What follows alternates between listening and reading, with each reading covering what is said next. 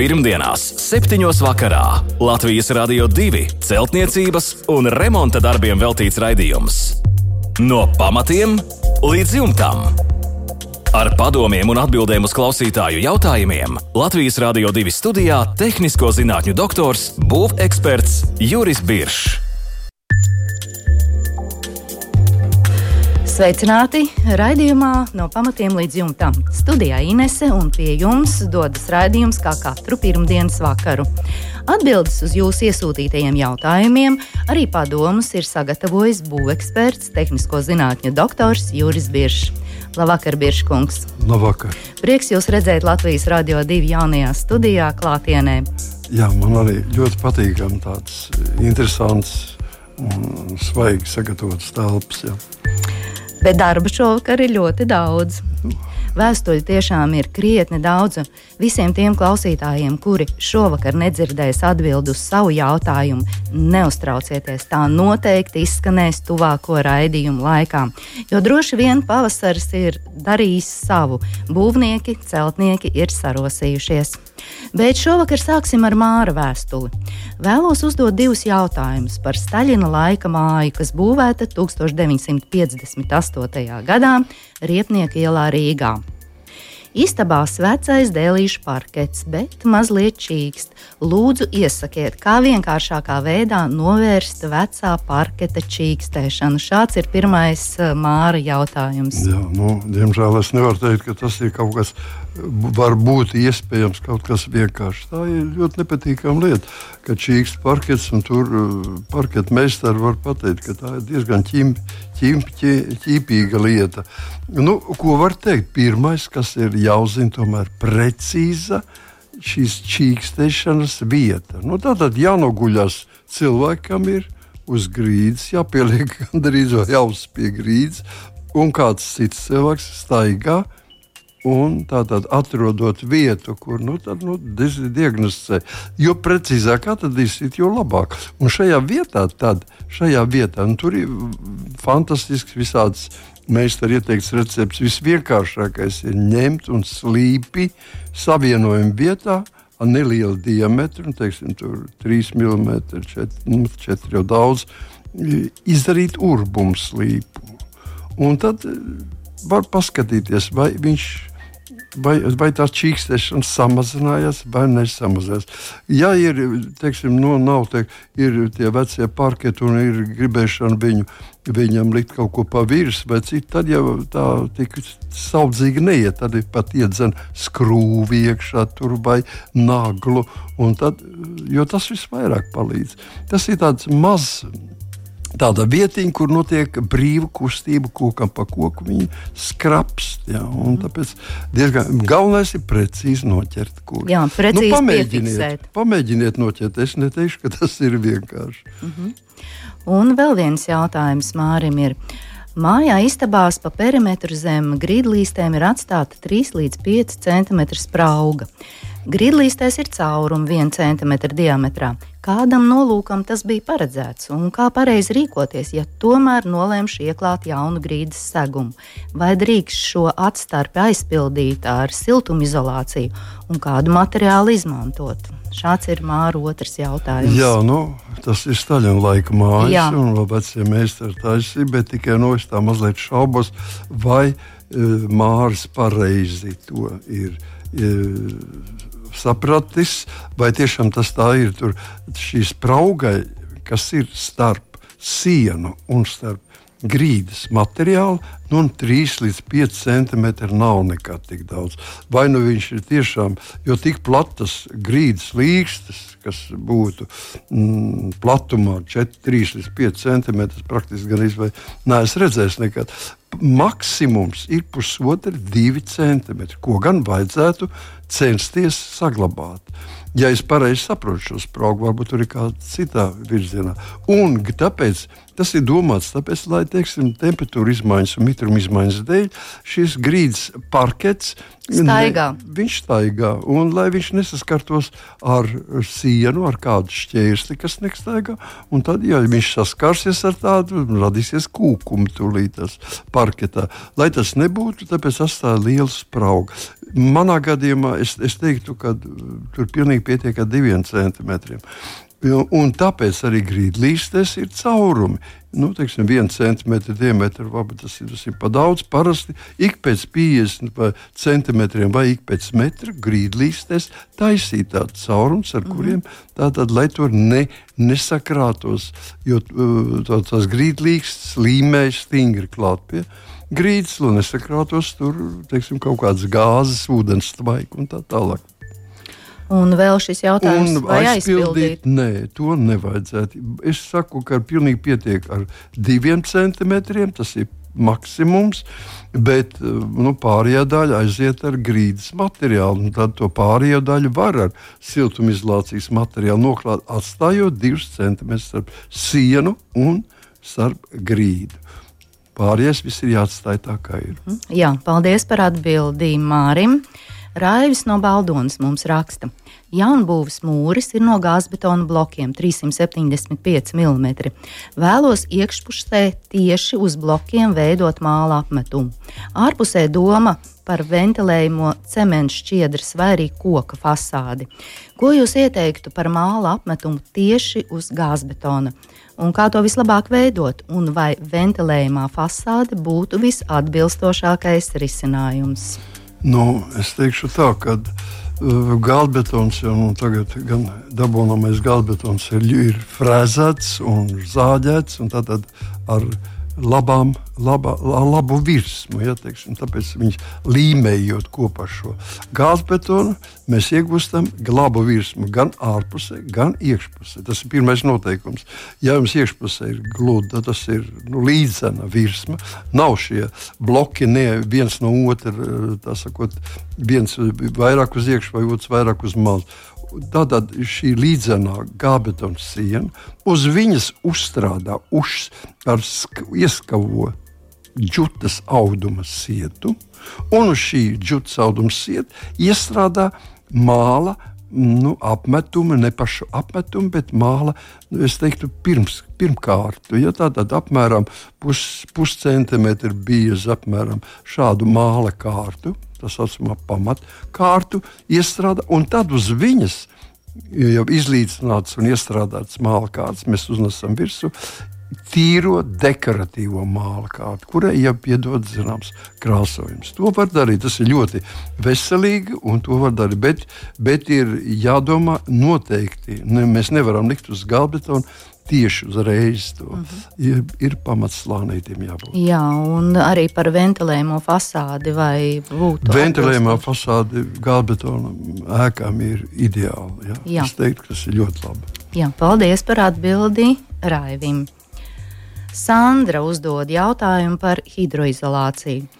Apkārt mājai ir ierīkota drenāža, taču lielos palos, kad liels nokrišņu daudzums pagrabā veidojas mitruma pleķi vai ir iespējams ko iesākt uh, no iekšpuses, vai arī šādā gadījumā drenāžas kļūda ir un tikai no ārpuses var rast risinājumu. Un Sandra ir pievienojusi arī divus fototēlus, uzskatāmus ar Jā, šiem mitruma traipiem. Skatījos, ja tie ir tas, tā, tā, tas nav ūdens peļķis, bet tas ir Mitrums. mitruma, mitruma jā, koncentrētas mitruma vietas.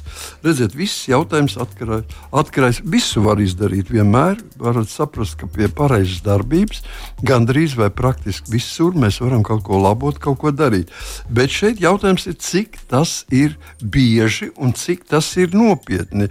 Es saprotu, ka uz grīdas, kurā ir šis mitruma pleķis, mēs nevaram likt virsū teiksim, kartona vai koka izstrādājums, vai teiksim, kādas kastes, vai nu, viņš savāksies ar mitrumu. Mitrumu uzsūcošs. Ja tas ir, ja tāda ir šī problēma, vai arī šie, šie pleķi veidojās diezgan bieži, ne tikai vienreiz gadā, pēc paliem, bet biežāk veidojas. Tad es ieteiktu ļoti vienkārši noklāt virspusi. Tur redzams, fototēlā redzama skaista betona grīda, līdzi.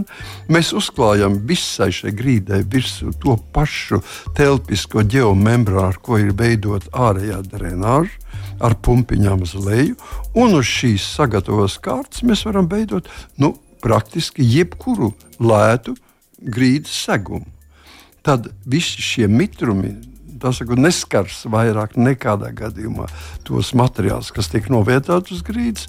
Viņi izgaros tie, šie mitrumi, izžūs, un tas mitrums aizies un pie pie perimetra, pa visu perimetru līdz pašai sienai, un pie sienas viņš izies telpas atmosfērā. Tas, kas attiecas uz sienām, tad tur vēl mazāk ir šie mitrumi redzami. Es domāju, ka tur neko nevajadzētu darīt. Ja reiz arī tur traucē, tad turpinājam šo membrānu uz augšu arī no iekšpuses. Tikai atstājot vaļā iespēju, ka viņam kaut kur viņš var izgarot. Mm -hmm, un, jā, un uz tās drenāžas telpiskās geomembrānas virsmas var uzklāt jebkuru apmetumus, klājumus, apšumus, ko jūs tik vēlaties. Mm -hmm. Jā, paldies par atbildi Sandrai. Nākamā ir Zentes vēstule. Pirms vairākiem gadiem uzbūvēts skurstenis, divas ventilācijas ejas, viena centrāla apkurei, otra plītī pagrabstāvā, pirmajā, otrajā stāvā un bēniņos no māla ķieģeļiem, virs šīfera jumta ar silikā ķieģeļiem. Lietus laikā pa spraugu starp šīferu un ķieģeļiem tek ūdens. Ūdens notek pa ķieģeļu mūrējumu. Kā šo problēmu varētu novērst? Varbūt ir kādi elastīgi šādiem nolūkiem speciāli domāti materiāli, jautā Zenta. Nu, teiksim, Zentē varētu atbildēt tā, ka, protams, ka tas ir, ir cilvēka kļūda, kas ir pieļauta. Ja, jo teiksim, nekad nevar būvēt skursteni, zem kura ne, nebūtu palikts jumta segums. Ja.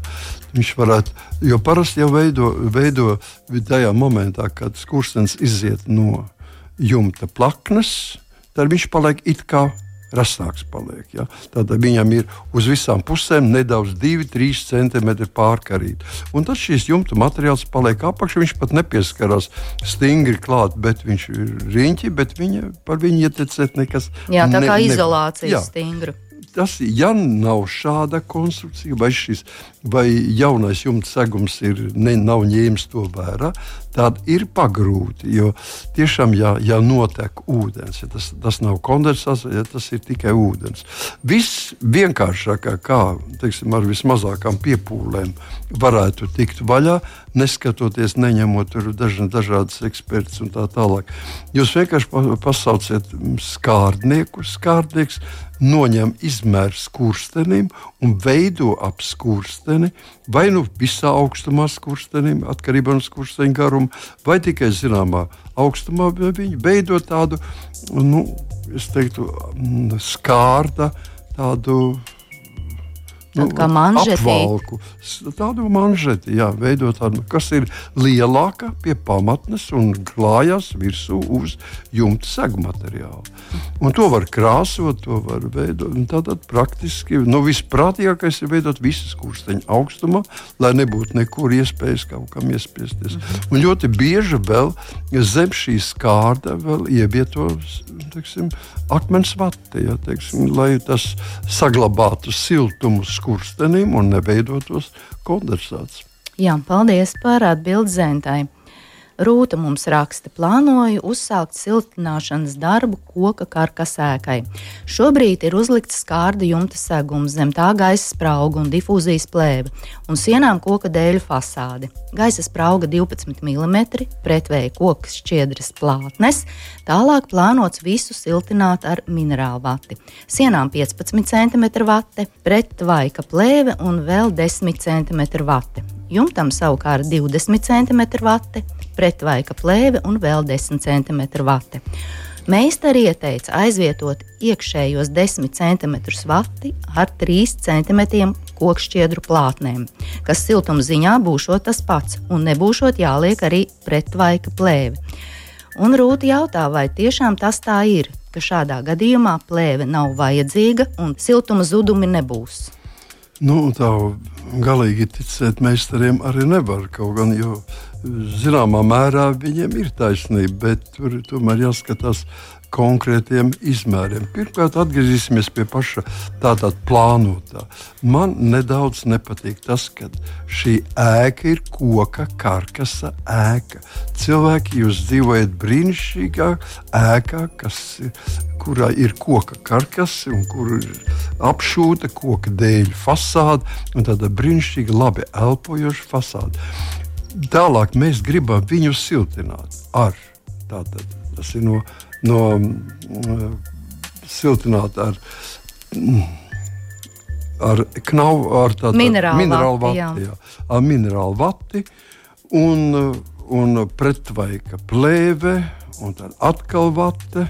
Un mēs jau esam pārvērtušies no savas brīnišķīgās koka mājas par polietilēnu maisu, kurā Iepakot mēs, esam, jā, mēs jā. esam iepakoti jau polietilēnu maisā. Vai tas ir tiešām jūsu mērķis dzīvot visu mūžu turpmāko šajā mm, teiksim, slikti elpošu, vāji elpojošām mm, teiksim, materiālu ieklājumā? Nu, kas eh, nelaidīs daudz savu no ūdens tvaikiem, izgarojumiem, dažādām smakām. Tas viss paliks pie jums. Es ieteiktu to nedarīt. Un tas nozīmē, ka minerālu vati nu nekādīgi nevajadzētu likt. Mēs varam atstāt daļēji minerālu vati, jā, ār, ja mēs to darām no ārpuses, tad ārpusē no 10 centimetriem ārējā kārtā var atstāt minerālu vatu. Jo viņi tik un tā gal galā atradīsies. Atradīsies ārpus ēkas. Ja siltinājums iet no iekšpuses, nu tad minerālu vātas vispār neieteikt, jo tāda viņai tiešām jāliek priekšā vajag izolācija. Nu, tāpēc uh, es teiktu, ka daļēji varbūt jo nav skaidri pateikts, no kādas puses notiek šī siltināšana. Reāli tas notiek no ārpuses. Un vienmēr mēs varam jebkuru minerālu vatu aizvietot. Ja mēs siltinām no iekšpuses, tad mēs aizvietojam visu viņu ar siltumizolāciju, ko veido no koka. mm, Koku mm, bāzes materiāliem, bet, ja no ārpuses, tad lūdzu, tad viņi var būt. Jā, paldies par atbildi Rūtai. Pirmdienās, 7. vakarā Latvijas Rādio 2 celtniecības un remonta darbiem veltīts raidījums. No pamatiem līdz jumtam. Ar padomiem un atbildēm uz klausītāju jautājumiem Latvijas Rādio 2 studijā - tehnisko zinātņu doktors, būveksperts Juris Biršs. Mēs turpinām ar Agneses vēstuli. Jauna būve, jumts veidots pa kārtām. Vienā gadā uz jumta koka lāgām uzlikta jumta plēve. Bet finanšu ierobežojumu dēļ uzreiz nav uzlikts jumta sagums. To uzlika pēc diviem gadiem. Tagad, kad vēl pagājis ir laiks, uh, Agnese vēlās turpināt darbu, siltināt un nosegt, un atklājies, ka ziemas periodā vietām ūdens tek pa lāgām. Jumiķi vaino plēvi, tā nefunkcionējot, jo nostāvējusi bez seguma. Un ar roku pabraucot pa plēvi, var just, ka tā ir mitra un arī redzami pelējuma pleķi. Kādi jumiķiem jautāja, vai nevar mm, piefiksēt šīs bojātās vietas un labot tikai tās, jumiķi atbildēja noraidoši. Un tagad ir jautājums, kā risināt šo situāciju, jo jumiķi piedāvāja jumta segumu demontēt, plēst nost plēvi, likt jaunu. Jumta segums ir dakstiņi. Nu, tas, protams, ir dārgs risinājums, un Agnese meklē alternatīvu variantu vai arī kādu kompromisu. Nu, ko jūs teiksiet, Biržs kungs? Jā, Sarežģīta nu, situācija. Es jau labprāt palīdzētu, un vismaz ieteiktu kādu padomu, bet arī esmu mazliet ierobežots, tāpēc ka Agnēs viss ļoti pa, ir labi pateikusi, bet kas tie ir pa dakstiņiem? Tie ir Šindeļu vai, Nu, vai jā, tas ir. māla? Vai tie ir māla dakstiņi, vai tie ir metāla, arī dakstiņu tāds Arī var būt, ir skārts, skārdi, kas varbūt, jeb tie ir bitumēna dakstiņi. Visos trijos gadījumos ir, nu, teiksim, vismaz divos, divos gadījumos ir, ir atšķirīgi risinājumi. Man ir grūti ko pateikt. Jebkurā gadījumā es tikai nonāku pie secinājuma, ka atkal šeit tiek minēta jumta plēve. Nav tāda izteiciena jumta plēve. Jumtām lieto plēves, bet katru reizi atkarībā no tā, kāds ir jumts, mēs lietojam citu plēvi. Tāpēc teikt, ka ir kaut kāda viena jumta plēve, nedrīkst. Tāpēc tas arī rada neizpratni. Galvenokārt, nu, šajā gadījumā jums ir visiem sakot, jā, jā, jāpielaiž tā doma, man ir cita klasifikācija jumtiem. Es visus jumtus iedalu divās daļās. Jumti, kuri ir nepārtraukti, tātad, kuriem sniegs nevar nekad iekļūt iekšā. Ja kas, teiksim, tie paši, ja tie ir bitumēni dakstīni, tad tur ir OSB plāte, un uz viņas tiek līmēti virsū šie dakstiņi. Ja ir metāla daksiņi, tad ar skrūvēm, skrūvējam iekšā, atsevišķi skārda plātnes. Ja ir māla daksiņi, atsevišķi sastāv no māla daksiņiem, tās atkal ir citi mm, jumta segumi, kas sastāv no atsevišķiem gabaliem. Tāpēc, teiksim, tā plēve, kas nu ir sākusi, kas ir mitra, kas ir sākusi pelēt, visticamāk, ka tā ir E, tvaikizolācijas plēve ar antikondensāta pamatni. Viņa nelaiž cauri neko, un tāpēc arī radās šī, šīs šie sekas, kas, kas ne, arī pēc tā jau nav uzlikts jumta segums. Jo plēvēji īstenībā pie labi un pareizi uzbūvēta jumta konstrukcijas plēve žūst jebkuros apstākļos. Viņa nekad viņa varēs sen jau būt izžūst. Un tāpēc mums ir jā, jāpārbauda vēlreiz šis jumtas. Pirmkārt, jāzina, kas tas par segumu, un pie jebkuras segumas, pie dzegas iet iekšā gaiss, tātad sprauga, kur gaiss iet iekšā lai viņš tālāk. Tālāk viņam jāiet līdz korei, ir dzimta korei. Ja viņš uh, tur nav nekādas telpas un tikai brīva, tukša bēniņa telpa, tad mēs veidojam tur plēvi, difūzijas plēvi. Viņš aiz šīs plēves starp jumtu un difūzijas plēvi aiziet līdz korei, un pie kuras viņam jāiet ārā. Ja tas viss ir nodrošināts, tad nekāda plēve jums nevar daudz nepatikšanas radīt. Nu, šeit mazliet vajadzētu paskaidrot, jo mhm. tas savādāk nu, varu ieteikt kaut ko nepareizi. Jā, jāprecizē jautājums. Paldies pagaidām par atbildi Agnesei. Mārtiņam ir divi jautājumi. 1960. gadā celta stāvbūve, apmūrēta ar balto ķieģeli. Gribu mainīt jumtu. Pašlaik uz jumta ir šīferis, kuru gribu nomainīt pret bezasbesta šīferi lai nav jāmaina jumta koka konstrukcija. Vai zem jaunā seguma ir vajadzīga tvaika plēve? Zem vecā šīfera tās nav, un nekādus postījumus arī Mārtiņš neredz. Mājai ir augstie neapkurināmie bērniņi un ventilējās šie bērniņi. Mārtiņš raksta vējojas. Jā, nu, teiksim, nu, mums ļoti labi jāsaprot, ka tajos laikos, kad tie ir 1930. gadi, kad Latvijā sāka ražot jumta šīferi.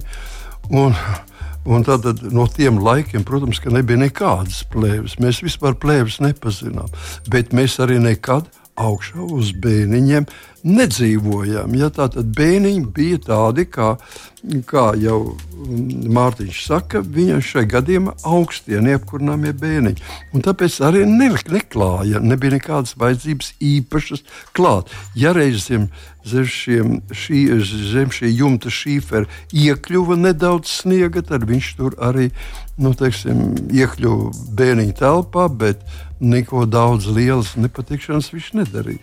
Šodien mums ir mazliet savādāk, arī savādāks skats uz šīm lietām. Un tāpēc, ņemot vērā, ka šis jumts, tikko mēs stāstījām, sastāv no atsevišķiem gabaliem, no atsevišķām jumta šīferu plātnēm, tas nozīmē, ka viņa var starp šīm plātnēm iespiesties pulvera veida sniegs. Tas nozīmē, ka mums ir jāveido zem šīm plātnēm jāveido ir tvaikizolācijas plēve ar antikondensāta pamatni. Ja viņa tiek ievietota, tad viss gaiss plūst virs šīs plēves un jumta, un sniegs izplī, tātad, iznāk, noslīd lejā pa slīpni un iznāk ārā. Ja tā jāorganizē, lai viņš iznāk ārā uz, uz uh, teknēm. Ja. Un ar to viss praktiski arī būtu jābeidz. Ja tur beidos dzīvojamā telpa, tad parādīsies vēl viena, vēl viena plēve, kura vadīs gaisu. Šai gadījumā mēs varētu iztikt ar vienu plēvi, bet katrā gadījumā viņai jābūt tvaika izolācijas ar antikondensātu pamatu. Un gaisa pie, ieiet pie, pie dzegas un pie kuras viņš nāk laukā. Tikai tāpēc. Jā, paldies! Un vēl viens jautājums Mārtiņam. Zem zemes mājā ir 20 cm pamati. Tad grunts un smilts vairāk metri. Un Mārtiņš grib ieliet verandai pamatus. Cik dziļi tie jārok, ja mājas pamati ir tikai 20 cm? Vai verandas pamati ir jāsasien kopā ar mājas pamatiem? Plānota ir pirmā stāva koka karkas veranda, kurā arī būs sanitārais mezgls. Jā, nu šeit ir pats galvenais atcerēties vienu likumu. Ja jūs būvējat piebūvi pie mājas, vienalga kādu konstrukciju mēs piebūvējam pie mājas terasi vai verandu, tad nekādā gadījumā mēs nedrīkstam savienot eh, terases vai verandas jaunos pamatus ar vecajiem mājas pamatiem. Nekādā gadījumā tas ir obligāts obligāts prasījums. Mājas pamatā, nu, redziet, 20 centimetri, arī smilšainās augsnēs, divi smilšainās gruntīs, 20 centimetri ir daudz par maz. Nu, jāatcerās, ka pat starpsienas iekšsienas tiek uz 50 centimetri. Tas ar dziļiem pamatiem veidots. Šai gadījumā 20 centimetri ir ļoti par maz. Tāpēc jaunajām verandām, lai viņas nesēstos, neveidotos, nu, vismaz nu, jebkurā gadījumā vairāk kā 50 centimetri mums ir jāveido. Pareizāk būtu to līdz vienam metram, jo Latvijā lielāki sali par ja teiksim, kas varētu iespaidot vienu metru dziļumu, praktiski ir ļoti, ļoti reti. Un tāpēc eh, teiksim, tas, kad ir māja izveidota uz 20 cm pamatiem, viņa vienmērīgi sēžās un nav problēmas. Ja mēs savienosim mājas pamatus ar, ar verandas pamatiem, viens no pamatiem ies dziļāk, ātrāk, viens ies lēnāk. Veidosies mm, plaisa un saplēstiks vai no nu vecie vai jaunie pamati. Mhm. Jā, paldies par atbildi Mārtiņam. No pamatiem līdz jumtam. Mārīta raksta, vēlos siltināt telpas ārsienas ar mīksto kokšķiedru plāksnēm. Ārsienas ķieģeļa biezums 40 cm. Cik biezas plāksnes būtu nepieciešamas un ar ko stiprināt plāksnes pie sienām? Nu, tā tad šeit atbilde ir diezgan vienkārša. Nekā tur jauna eh, atklājuma nav jāveic. 40 cm ķieģeļa biezums ir ļoti labs biezums, jo praktiski teiksim, pie 48 centimetriem mēs pat teiktu, ka teorētiski nekādas siltinājumu nevajadzētu. Bet, lai būtu, būtu izpildīts viss jaunās eh, normatīvs, un lai cilvēks justos komfortabli, tad es pilnībā piekrītu, ka ārsienas mēs varētu no iekšpuses ar mīksto kokšķiedru plāksni. Šeit jautājums ir jūsu turība, izstāsta, cik jūs varat atļauties. Minimums ir 20, tas ir 25 mm. Tātad bieza plāksne. Ideāls gadījums būtu divreiz pa 25. Protams, tikai ārsienas. Ne iekšienes, bet tikai ārsienas. Iztapsēt, lūdzu, ar šiem apšūt, ar šiem divām, teiksim, vienu eh, savstarpēji perpendikulāri izvietotām mm, mīkstā kokšķies plāksnēm. Mhm. -huh. Un ar ko stiprināt plāksnes nu, pie sienām? Teiksim, pie ķieģeļa sienām nu, šeit ir divi, divi varianti, kā mēs varam, varam atļauties. Pirmais variants ir ar līmjavu. Tātad ar līmjavu mēs varam veidojot līmjavu pa perimetru plāksnei un veidojot arī vidū attiecīgus krustus. Un tad mēs varam ar viņu šādā veidā viņus, viņus pielīmēt. Otrs variants ir, ja teiksim, nu, ļoti vāji turās, vai teiksim, līm, ar līmējot kaut kas nesanāk, tad mēs klājam dēļu lagas, veidojam no dēļiem lagas. Kas ir satuvināts nu, teiksim, nevis līdz metram vai 60 centimetriem, bet 20, maksimums 20 centimetri, 30 centimetri no vidus, ja mēs reiķinām ar šādu. Un starpas tad jāpild ar ekovati un pie viņām piešuj, tad jau var piešūt ar skavām, piešūt mīkstās kūkšķies plauksnes. Jā, paldies par atbildību Mārītei. Un noslēgumā vēl Ivara vēstule. 1975. gadā uzceltajā mājā bērniņa pārsegumā starp sijām 75 x 150 mm, kā siltinājums ieklāta 100 mm minerāla vati. Vēlos eh, visās sijas 150 mm augstumā nosiltināt bēniņu grīdu, piepildot starpību ar beramajām papīra siltumizolācijas granulām.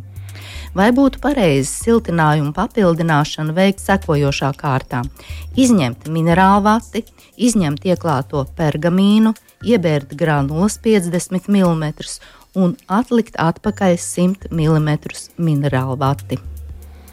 Vai tā var darīt? Ne, nu, darīt tā, kā var, protams, ka var tā darīt, bet vai tam ir kāds uh, racionāls nozīmes, es neteiktu. Man vairāk interesētu šis pārsegums, vai šim pārsegumam ir melnie griezti vai nav. Tātad no istabas mitrumam jāiet uz augšu, jāiet cauri griestiem, un tālāk viņam jānonāk melnajos griestos. Cik es saprotu, 75. Nu, 75. gads, ja nešaut nebēgt. Var, nevar pateikt, vai tur meistari to zinājuši vai nav.